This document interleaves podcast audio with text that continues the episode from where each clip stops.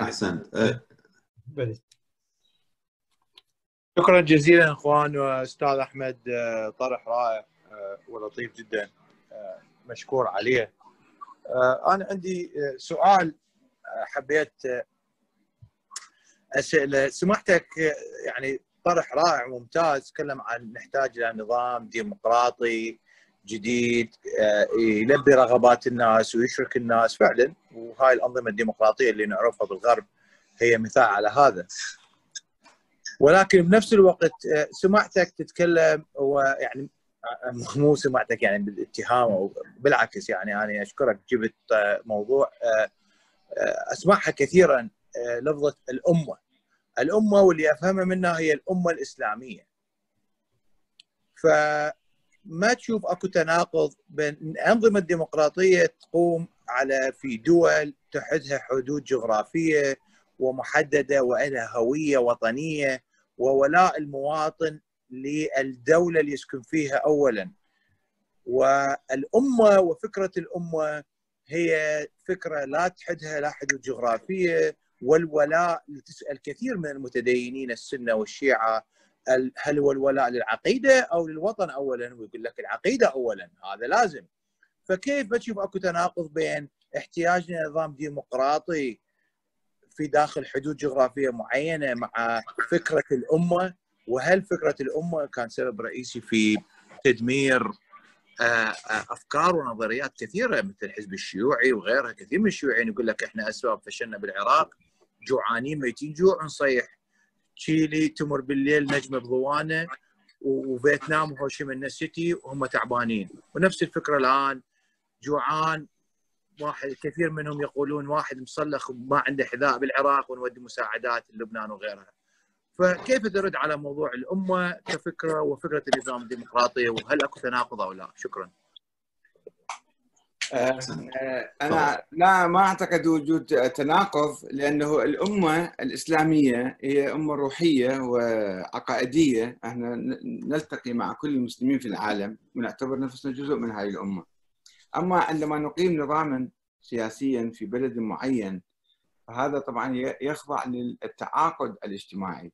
إحنا خلال هذه الدولة اللي قائمة مثلا العراق أو إيران أو لبنان أو السعودية أو تركيا أو باكستان كل بلد يتعاقدون مع الحاكم والحاكم يلتزم بالدفاع عنهم وبتلبية احتياجاتهم فممكن كما هي في أوروبا الآن مثلا يجتمع في قارة كاملة يجتمع ويتحد ولكن في كل بلد هناك نظام جمهوري أو ملكي.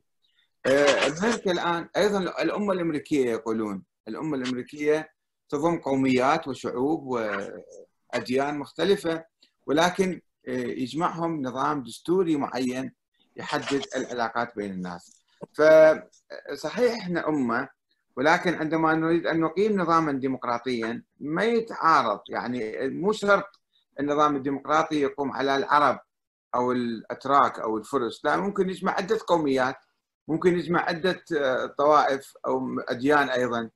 فهذا يعني يحل بالعقد الاجتماعي اللي نعقده إحنا. عقد الدستور. الدستور مالنا شنو حدوده؟ هاي حدود الدستور. فنعمل بالدستور. فما أشوف تناقض كبير في الحقيقة. يعني مثلا لما يعني اتمنى أعلق على موضوع كثير يطرح يعني بالقنوات الفضائية سألوا أنا شخص ما أعرفه شفته حقيقة أول مرة الولائي أبو آلاء الولايه وكذا من سأل المذيع ما هو الولاء الأول؟ هل هو للعقيدة أو للوطن؟ وجاوب بدون تردد الولاء بالتأكيد للعقيدة، فإذا العقيدة تخليني أنه أخدم مصالح الأمة ومصالح الأمة طبعا مسألة هذه نسبية. ممكن أن أكون أساعد إيران فيها على مصلحة العراق فبالتالي لازم أسويها. فيعني شلون الموضوع الولاء ينحل بهذا الحال؟ احسنت احسنت سؤال مهم جدا في الحقيقة. وأيضا ربما تحدثت سابقا في هذا الموضوع أو كتبت فيه.